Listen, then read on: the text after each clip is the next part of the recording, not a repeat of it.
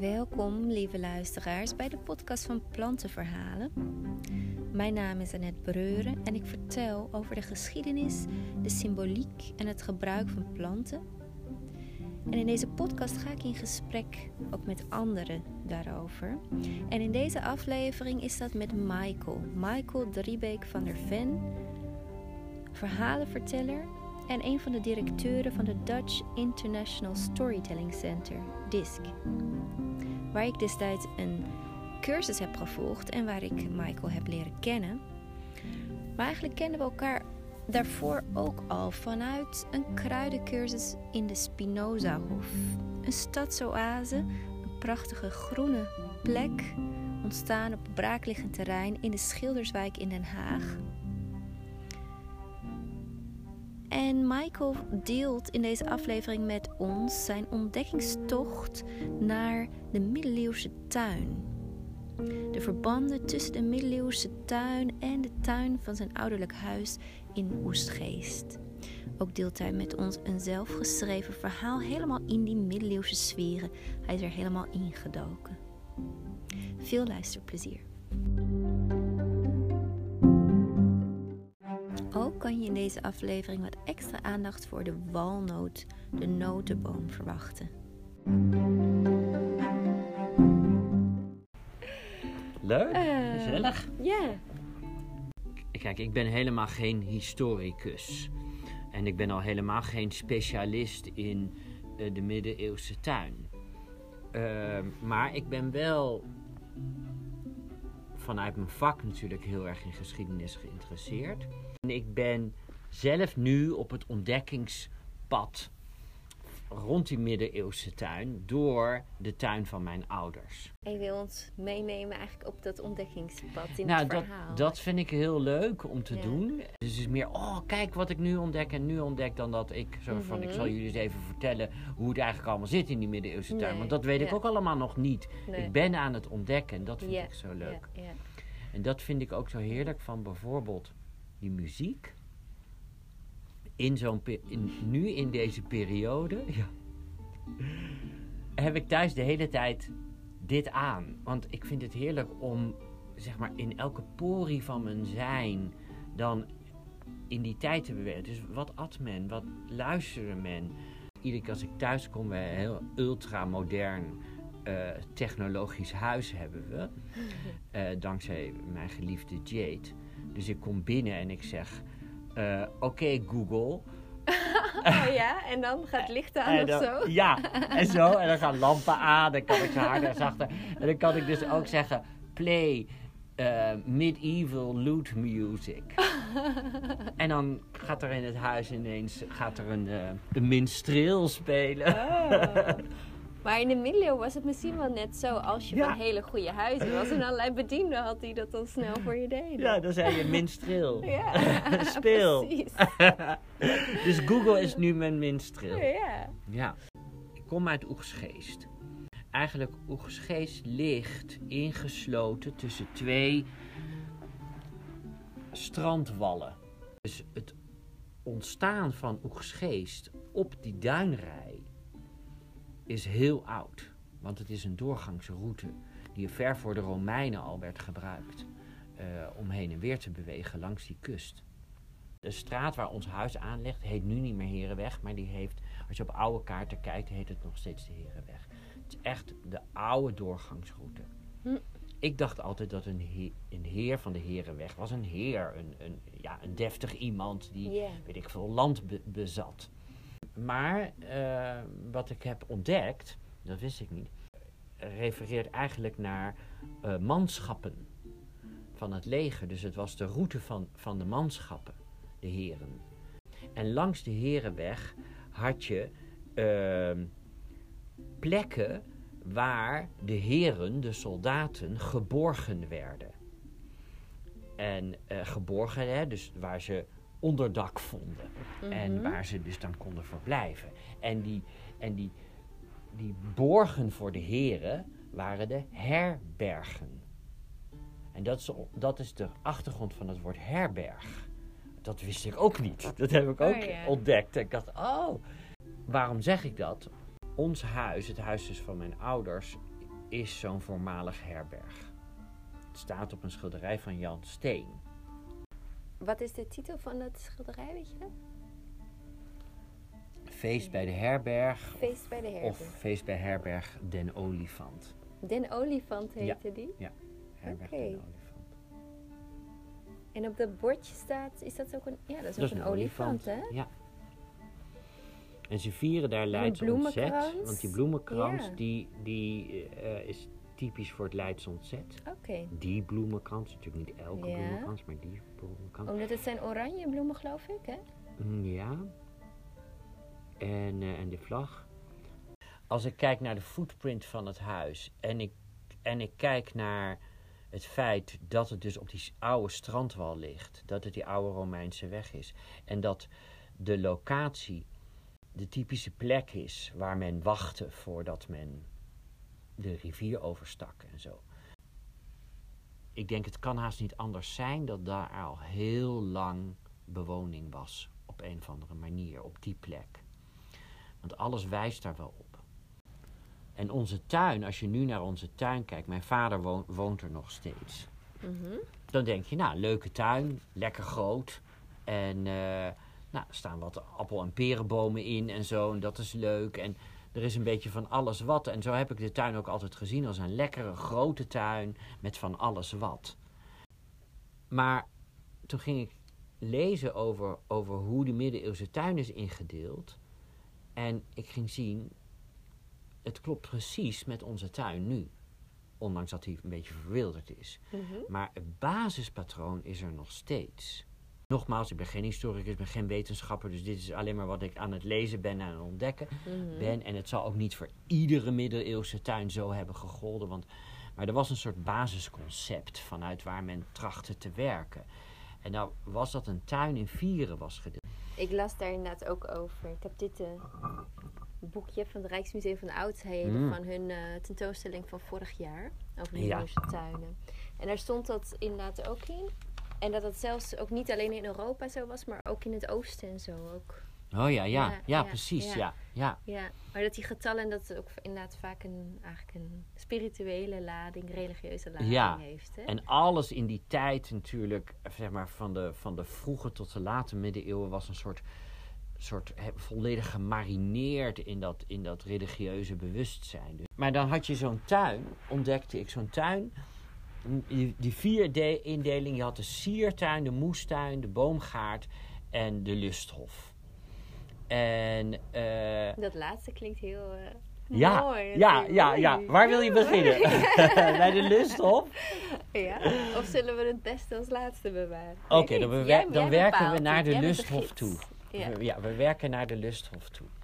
Nou, aan de voorkant van het huis was de siertuin.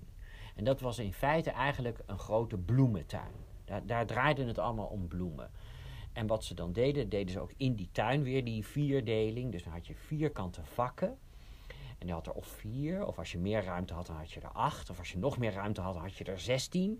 En zo, maar altijd dat vier. Met in het midden eh, een waterbron. Of, of, of in ieder geval, eh, de, symbolisch eh, gezien, de, de, de, bron van het leven. Ah, Dus ja. als jij op een of andere manier daar niet water kon aanleggen, dan kon je wel bijvoorbeeld iets doen, een beeld van Maria of een, eh, ik weet niet wat, hè, iets daar centraal zetten.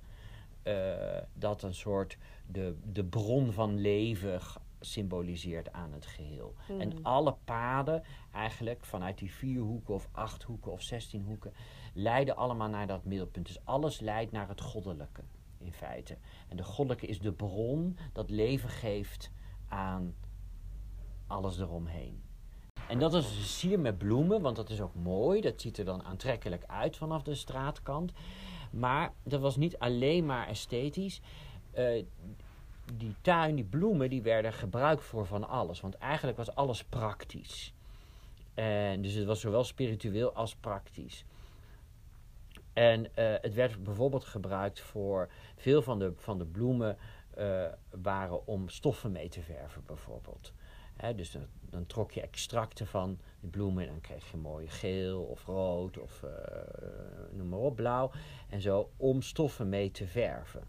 sommige bloemen waren om geneesmiddelen mee te maken. Dus hè, om kalmerend of ontstekingremmend of zo. Hè. Er zijn allerlei ehm, kwaliteiten aan de verschillende eh, bloemen.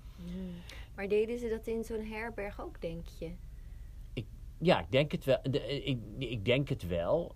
Ik denk zeker in de, als je in de vroege middeleeuwen gaat, was iedereen probeerde zelf, zelf voorzienend te zijn. Ja, nog wat minder ambachten, zeg maar, nog wat minder specialisten. Ja, en op een bepaald moment krijg je natuurlijk steeds meer dat je, oké, die weet echt wat van dat en die heeft dat verder ontwikkeld. Ja. Maar niet iedereen had toegang tot diegene. En ik denk dat de basiskennis van welke plant wat doet veel breder uh, gezaaid was. Dus heel veel mensen wisten wel een beetje Hmm. Hè, zodat we, zoals we allemaal een EHBO-doos in principe in huis hebben. En dat we die pleisters en de jodium en die eerste, eerste ibuprofen, dat we dat wel kunnen. Daar hoeven we niet meteen naar de huisarts ja, voor. Stel de EHBO-doos in de tuin. In de tuin, precies. Ja, ja, de EHBO-doos in de tuin. Dus men had wel, denk ik wel een basiskennis. En sommigen hadden meer kennis en zo. En de bloemen waren ook belangrijk. Dus niet alleen voor geneesmiddelen en voor verven, maar ook voor gebruik in huis of elders bij de viering van de momenten in het jaar. Dus je, uh, het was ook, begreep ik, heel eerzaam om bijvoorbeeld voor de kerk ook wat in je tuin te hebben. Hè? Zodat, ja, zo'n kerk was niet, oh, de kerk was van de kerk en wij mogen langs gaan. Nee, de kerk was van iedereen. Het was onze kerk. Wij met het dorp, dat was de plek, net als het buurthuis of het wijkcentrum. Dat is waar wij samenkomen. En als we iets gaan vieren, omdat de lente komt, of we gaan oogsten, of het is kerst of paas of weet ik veel wat.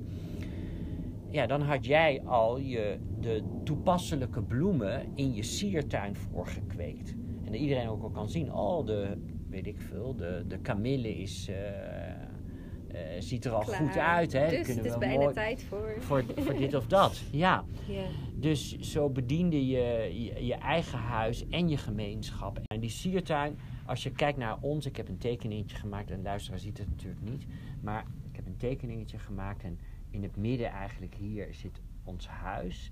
En dan heb je zo aan de ene kant heb je de, heb je de straat, de voorkant, dat is die Herenweg. Mm En daar ligt ons huis en eigenlijk dit gedeelte hiervoor, wat nu, als je ervoor staat, helemaal verwilderd is en donker. En bomen dik moeten allemaal gesnoeid worden, weet ik wat. Dus het is één donkere business. Hm. Maar uh, als je dat opruimt, en dat wil ik gaan doen, dan, dan is dit de plek voor die siertuin.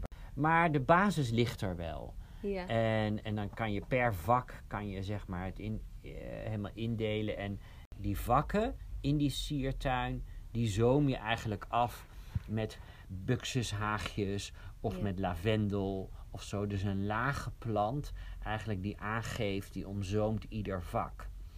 En die siertuin, die kan je dan weer omzomen met bijvoorbeeld met zo'n wilgetakken. Ah ja. Uh, Hekje, hek. gevlochten wilgetakken. Ja. Zodat je het afschermt, dat je een bepaalde rust creëert in die tuin. Want het gaat ook over contemplatie. Hè? Dat je daar dus niet. Hè, maar ook weer, dat ook grappig, las ik ergens. De bedoeling is niet om een enkel of kniehoog hekje te doen. En het is ook niet de bedoeling dat een hek twee meter of hoger is.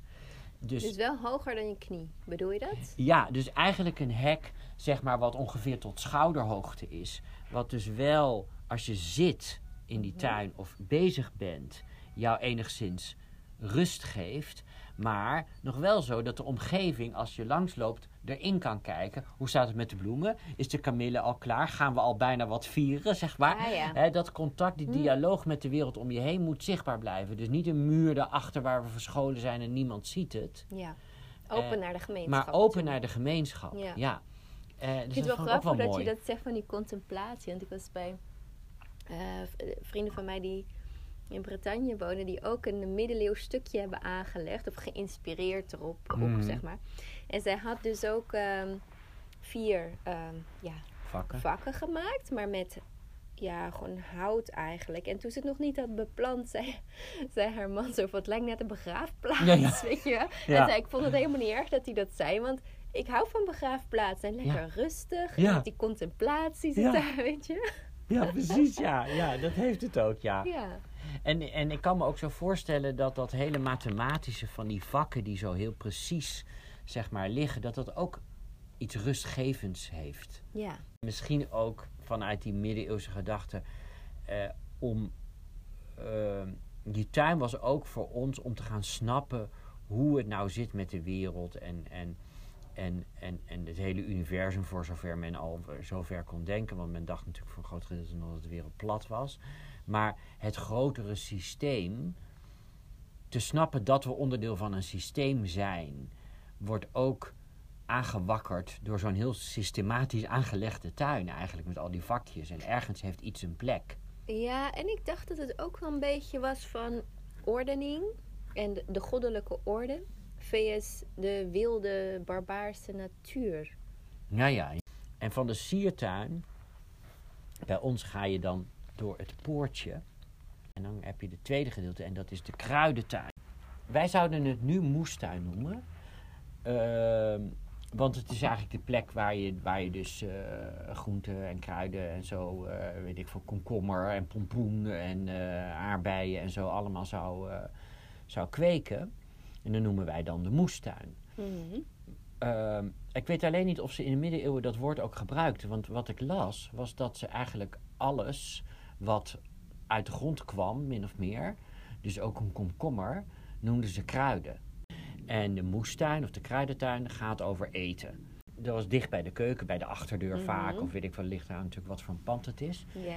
En, eh, want je wilde daar makkelijk vanuit de keuken naar, naartoe kunnen. Bij ons is eigenlijk ehm, die op, op, op dit moment zichtbaar, je zou kunnen zeggen, eigenlijk nog een kwart van wat die eigenlijk was. Een herberg heeft natuurlijk misschien een grotere moestuin nodig dan, Dan, voor één dan gezin. één, voor één gezin, Ja. ja. ook dat. Dus er zal, zal, zal misschien eh, precies die ruimte zeker ehm, is belangrijk. Hier vanaf de schuur loopt een hoge stenen muur die wel iets van drie meter hoog is. eh, zodat je niet in kan kijken, want die moestuin is weer niet voor de gemeenschap. Zeg maar een beschermende muur. Ja. En toen ik kind was, groeide daar ook nog de, de druif tegenaan. Nu nog steeds, maar die is helemaal verwilderd. En, eh, want die muur die vangt de hele dag de zon op en die houdt die warmte vast. En dat vindt die druif dan fijn, want een druif heeft een, zeg maar, eigenlijk een net iets warmer klimaat nodig dan, eh, dan dat we hebben. En, eh, en daarvoor kan ik me herinneren dat mijn ouders op een bepaald moment zeg maar, een leuke moestuin wilden aanleggen en kruidenbedden. En dat we toen gingen graven, want we hadden daar kippenhok gehad. En we gingen een soort omspitten. En toen weet ik nog dat we, ik denk zo'n 50 centimeter onder de grond, stuiten we op iets hards. En toen gingen we dat uitgraven. En toen groeven we een heel pad met zijpaden Mm. uit. En eh, ontdekten we eigenlijk de, de originele kruiden- of moestuin. De paadjes De paadjes. Vonden we dat zo'n leuke verrassing. Van hé, hey, wat grappig, dat ligt hier gewoon en zo. En ik was toen, weet ik wel, tien jaar oud of zo.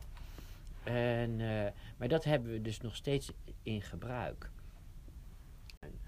Dus wat ik ook heel interessant vond, wat ik leerde, was dat die vakken eigenlijk, die kweekvakken, juist verhoogd zijn in plaats van op de grond. En omzoomd met of hout of metaal. Eh, en dat je dus eigenlijk een bak creëert. En daarin Mhm. heb je dat wat je wil kweken. En die bak, die maakt het moeilijker voor slakken bijvoorbeeld om erin te komen. Eh, dus voor sommige dieren, natuurlijk vliegende insecten komen natuurlijk altijd wel, wel in. En ook ander onkruid wat je er niet in wil, dat dat er ook niet ma- makkelijk in komt. Ja. En, ehm, en omdat je er meer in werkt dan in een bloementuin, eh, is het ook handig en beter voor je rug als het iets verhoogd is. Dat je niet continu alleen maar krom staat. ja. En dus dat soort praktische dingen.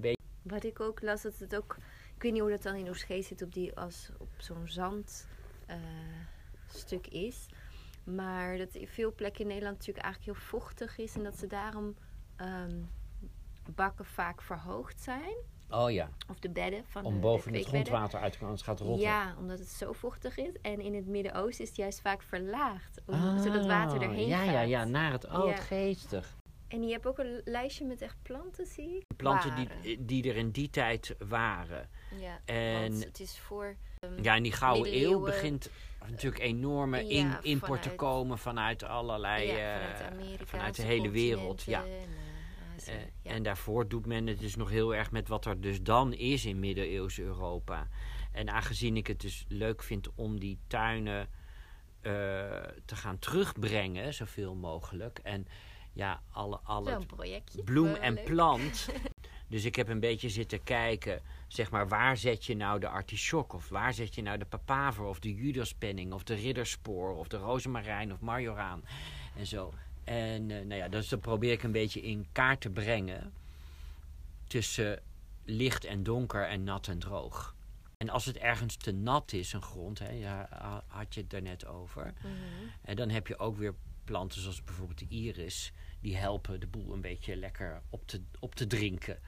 Nou, en dan de derde tuin. Als we van de siertuin aan de voorkant gaan, open naar de wereld toe. En de moestuin of kruidentuin aan de achterkant, gesloten van de wereld.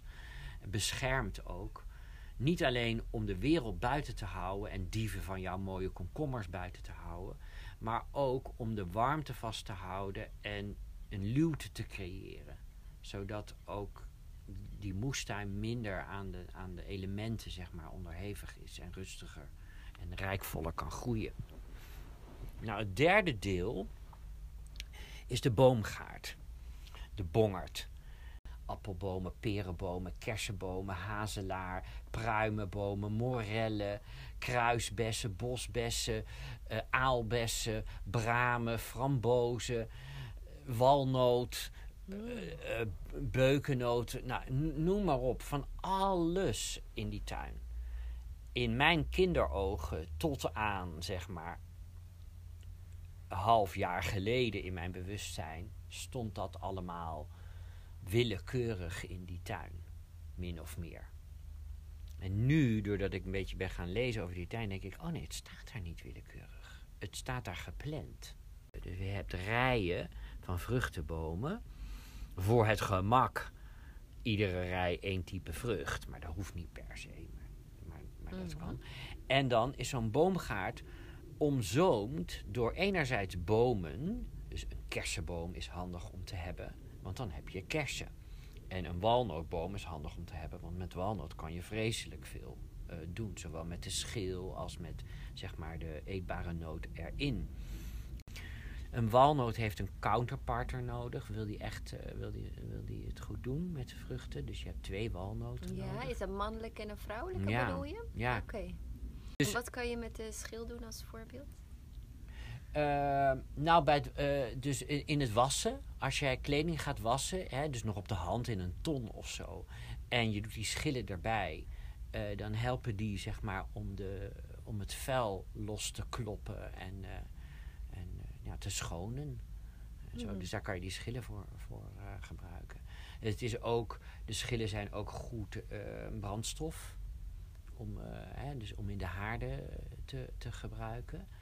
En ze ehm, kennelijk, maar dit weet ik niet helemaal zeker of het waar is, maar dat, wij, ik ben altijd opgegroeid met dat het goed is om de schillen te branden in de haard, omdat het de schoorsteen schoonmaakt.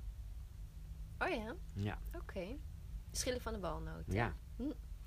Ik had een eh, gebruik gelezen wat ik zelf nog niet heb uitgeprobeerd. Maar ik ken iemand die hem daarvoor gebruikt om ehm, inkt van te maken. Oh ja. Maar dan moet je Nee, maar dat is dus dat is de eh, schil.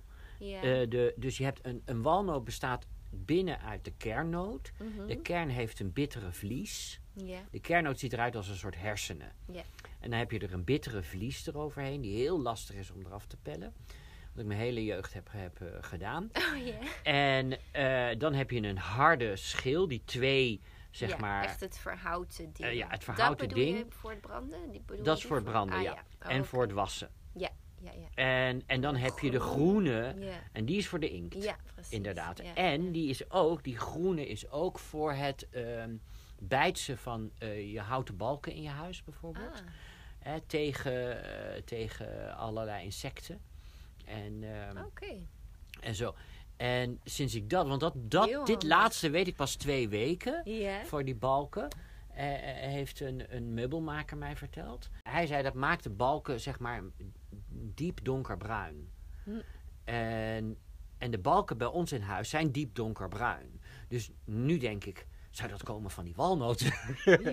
Misschien wel de walnoten uit onze tuin, weet je Vroeger was dat Ja. natuurlijk, gebruikte men alles wat voorhanden was. Mhm. Dus die walnoot bedient heel veel.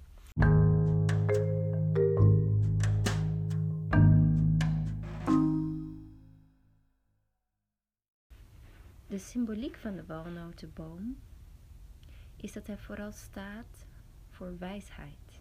Laten de hersentjes dat al zien. En ehm, er is een traditie in natuurgeneeswijze, kruidengeneeskunde, een stroming daarin die ehm, zegt dat hoe een plant eruit ziet, dat dat al aangeeft waar die gebruikt voor kan worden. Dus dat de plant ook vaak lijkt, of de kleur heeft, of de vorm van een orgaan waar die een goede werking op kan hebben. Dus niet zo verbazingwekkend dat van de walnoot wel werd gezegd dat die ehm, gebruikt kan worden tegen problemen met eh, hersenvlies. eh, ja. Maar behalve wijsheid stond de walnootboom ook voor vruchtbaarheid. Niet alleen de walnotenboom, maar notenboom in het algemeen. Voor vruchtbaarheid. Ze dragen de kiem van nieuw leven in zich, de noten.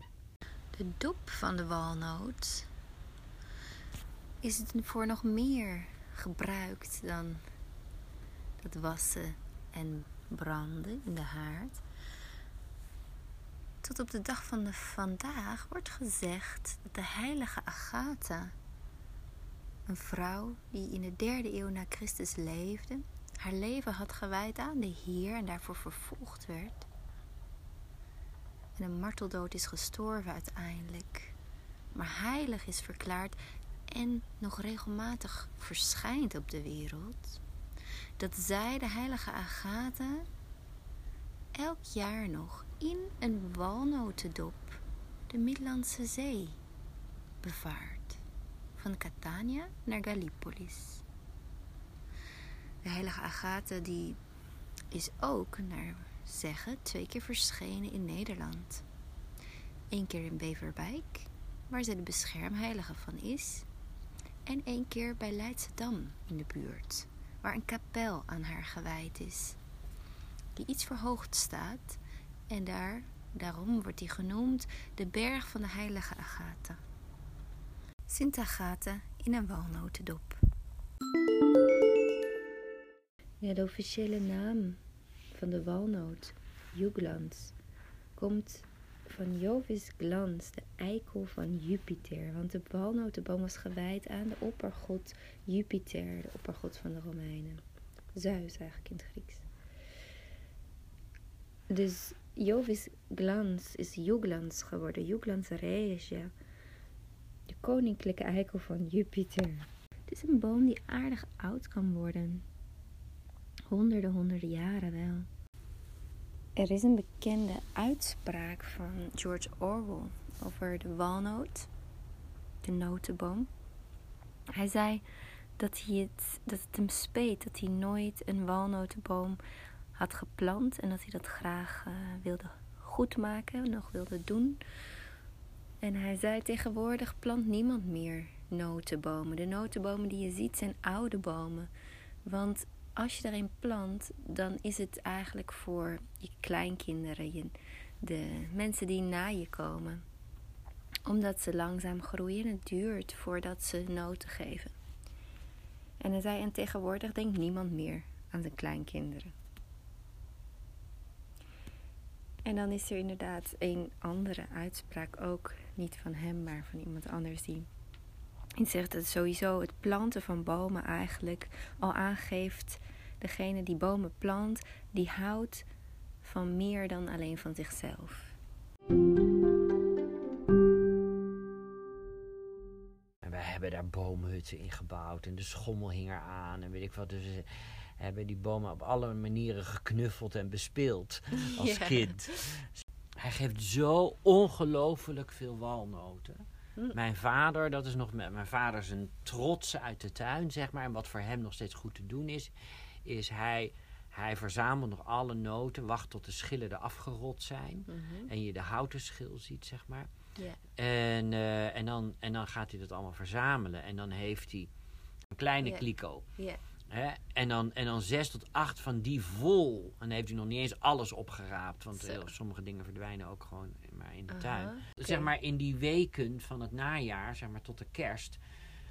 lag dat dan zo op de, op de eetkamertafel van links naar rechts. Zeg maar als een soort productielijn. Ja. En dus het was, als je zin had om te, om te kraken, dan ging je kraken. Eerst te, te pellen, te, te, te schonen. Dus die, al die groene rottende dingen eraf. Als dat, en dan was het kraken. En dan was het het pellen van die velletjes, die bittere velletjes. En dan had je de, de, de blanke hersentjes, om het maar zo te zeggen. Heel wittige noot is dat over. En dat geb- gebruikten we dan. eh, Dat ging in grote wek, glazen wekpotten met alcohol bovenop de kasten in de, in de eetkamer. Stonden dan al die potten. En die stonden dan dus eh, eh, ja, een, maandenlang daar notenlikeur te worden. En tegen de tijd dat de notenlikeur klaar was, goed was, dan werd het zeg maar in feite afgeschoten. En het nootpulp, dat waren dus al die klein gesneden blanke uh, walnoten dingetjes. Maar dat Mhm. kon je ook met hazelnoot doen. Ehm, al die pulp die doordrongen was van de alcohol en de, en, de, en de suikers en zo en dingen. Die werd dan weer gebruikt om vervolgens eh, cake mee te maken. Mm. Dus eh, dan had je uiteindelijk eindig je met notenlikeur en notencake. Klinkt wel heel goed. Ja, eh, dus alles wordt gebruikt. En eh, ja, een gedeelte daarvan deden wij dus nog. Ja, de liqueur en de cake. De likeur, en ja, alles wat we konden eten en Ja, drinken. En de precies. rest, nou ja, daar hebben we moderne technologie voor. Ja. ja, precies. Dus even terug naar die boomgaard. En dan was het traditioneel zo dat je je boomgaard omzoomt met bessenstruiken, liefst naalddragend. Dus kruisbes heeft van die harde naalden waar je je lelijk aan kan prikken. Eh, Doornen, ja. bedoel je? Ja, Ja, ja, ja. doornen, ja. Oh, en braam eh, heeft dat bijvoorbeeld ook. Het doel daarvan is dat eh, in feite eigenlijk om ehm, grotere dieren die interesse kunnen hebben in die vruchten in het midden van de tuin, Mhm. buiten te houden. Hm. Dus schapen of koeien uit de omgeving, of ik- noem maar wat. Geiten, herten. Herten eh, Ja. ga, gaan niet, die gaan niet graag door die, bra, door die doornenstruiken Mhm. heen. En toen dacht ik, oh mijn god, dat is bij ons precies zo. Langs de randen liggen al die brame dingen. Wij hebben achter in de tuin bij die boomgaard hebben wij ook nog een stuk muur staan. En dat is een soort verloren stuk muur wat ik altijd als kind een soort kasteelmuur in zag of zo, weet je wel? Ja, een een soort stuk. ruïne, ja. Maar dat is de logische plek voor een bijenkorf. Want die is de hoek die het verst weggelegen is van het huis. Dus je hebt dan als bewoners van het huis minste last van de bijen. Hè, of andersom eigenlijk. De bijen hebben minste last van jou als mensen. Dan lopen we weer terug naar het gebouw, naar het huis. En dan komen we zeg maar aan de, Aan de zuidkant? ja, aan de zuidkant van het huis. En, eh, en daar is het vierde gedeelte van de tuin. En dat is de lusthof. Mm. En dat is, het is besloten. Daar gaat het puur voor eh, de ontspanning en vermaak van de bewoners van het pand. De lusthof. Echt voor de lusten.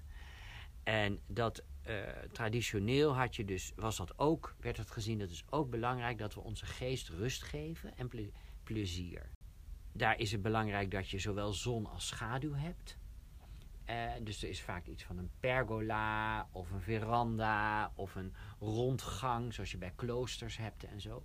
Eh, dat afhankelijk van het weer of als het een beetje regent, dat je toch in, in die lusthof je, je kan begeven. Maar ook een open stuk met voornamelijk gras. Waar je kan spelen, waar je muziek kan maken, waar je kan dansen, waar je in de einder kan turen. Eh, al die dingen. Dus dat is, en dat is vaak gewoon wat bij onze huizen nu het terras is. En het stukje gras waar, de, waar, waar, je, en het gazon waar, je, waar je speelt. dus die lusthof gaat, gaat over het vermaak. En, en vanuit de erkenning, we hebben niet alleen eten nodig, we hebben niet alleen die spirituele connectie nodig, maar we hebben ook gewoon momenten van rust en plezier nodig.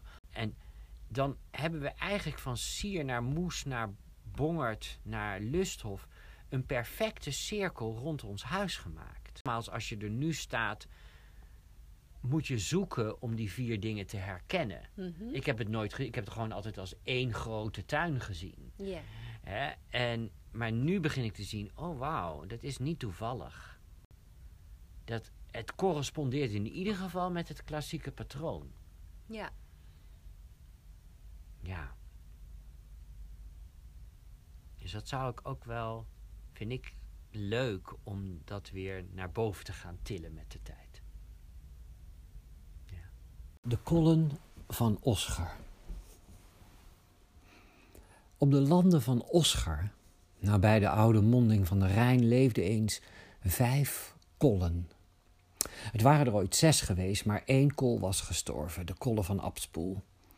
En de overige vijf kwamen nog met regelmaat bij elkaar bij de Heilige Eik, gelegen aan de voort.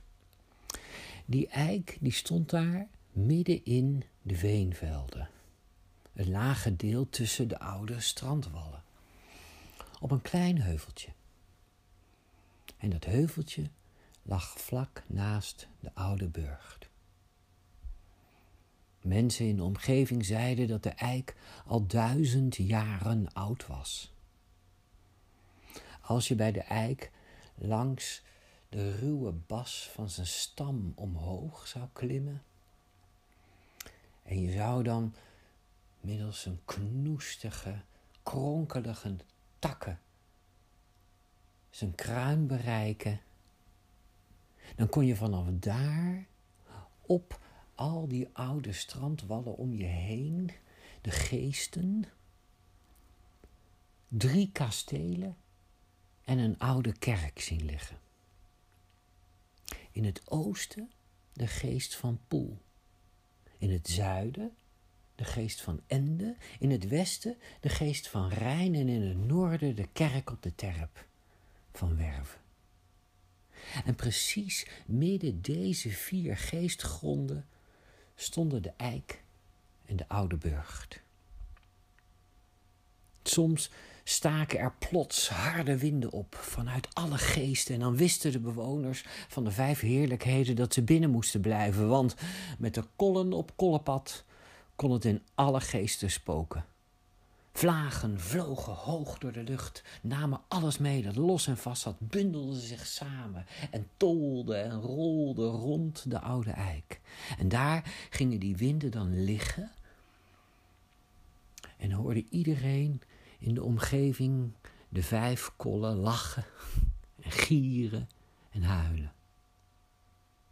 De kollen deelden hun wijsheden hun inzichten en ervaringen. Ze spraken vanaf daar met de goden.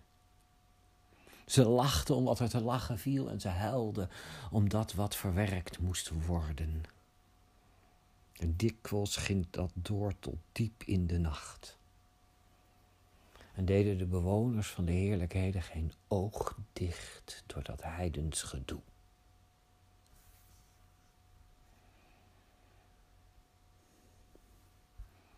Ieder van de kollen had zo haar taak. De kollen van Abs gaf altijd richting. De kollen van Werven bracht verbinding met die goden. De kollen van de Burgt gaf tijd. En de jongere kollen van Ende en van Poel, die brachten de gaven. Es en berk en beuk van de Ende en geranium, moeras, spirea en woekerend wilgeroosje door de Poel. De jongste kool van het stel, kollen van Rijn, verraste iedereen iedere keer weer met een van haar duizend paddenstoelen. Maar op een goede dag stierf de oude eik. En de kolle van Abs ook. En nu de kolle van Abs dood was, waren de anderen hun richting kwijt. En met de eik gesneuveld, was hun plek van samenkomst verdwenen. En de vijf kollen moesten op zoek naar een nieuwe boom en een nieuwe richting. En weer staken de winden op, schoten ze omhoog vanuit alle vijfde geesten, vlagen, waaiden in het rond, scheerden over alle strandwallen. En daar, uiteindelijk, ter hoogte van de Herenweg, bovenop zo'n oude strandwal, kwamen de vijf vlagen samen vlak voor de olifant. Ze vlogen in elkaar, vlogen langs de zijkant van die herberg, over het pad, langs de herberg, door de poort naar achter en daar in de tuin. Tussen de moestuin en de boomgaard in kwamen de vijf vlagen tot rust. Tot rust in de bladeren van een jonge walnoot. En die walnoot, die staat er nog steeds nu vele eeuwen later. En als je goed luistert, hoor je hun stemmen. Hun lachen, hun gieren en hun huilen, te midden van het ruisen van de bladeren van de walnoot. Tot op de dag van vandaag in de tuin van herberg de olifant.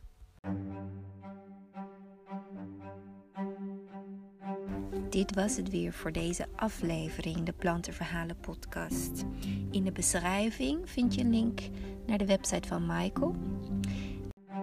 Elke maand is er een online storytelling event, gratis en voor iedereen toegankelijk via Zoom, georganiseerd vanuit het Dutch International Storytelling Center. Eerstvolgende is 24 oktober. En 14 november is er ook één en dan vertel ik ook een verhaal over de engelwortel. Lees voor meer boeiende en inspirerende tuinverhalen de tuin in vier seizoenen. Kijk op www.tijdschriftdetuin.nl. En ik wil jullie graag vragen door je waardering voor deze podcast te laten blijken, door hem te delen, te raten op de, het kanaal waarop je hem luistert, een review achter te laten. Dat helpt om hem te verspreiden ook. En door een donatie te doen via de Tiki-link, al is het maar een paar euro. En mocht je een keer een echt plantenverhalen evenement willen bijwonen, kijk op de website van plantenverhalen.nl of er iets bij in de buurt is. En boekingen kan natuurlijk ook altijd. Tot de volgende keer.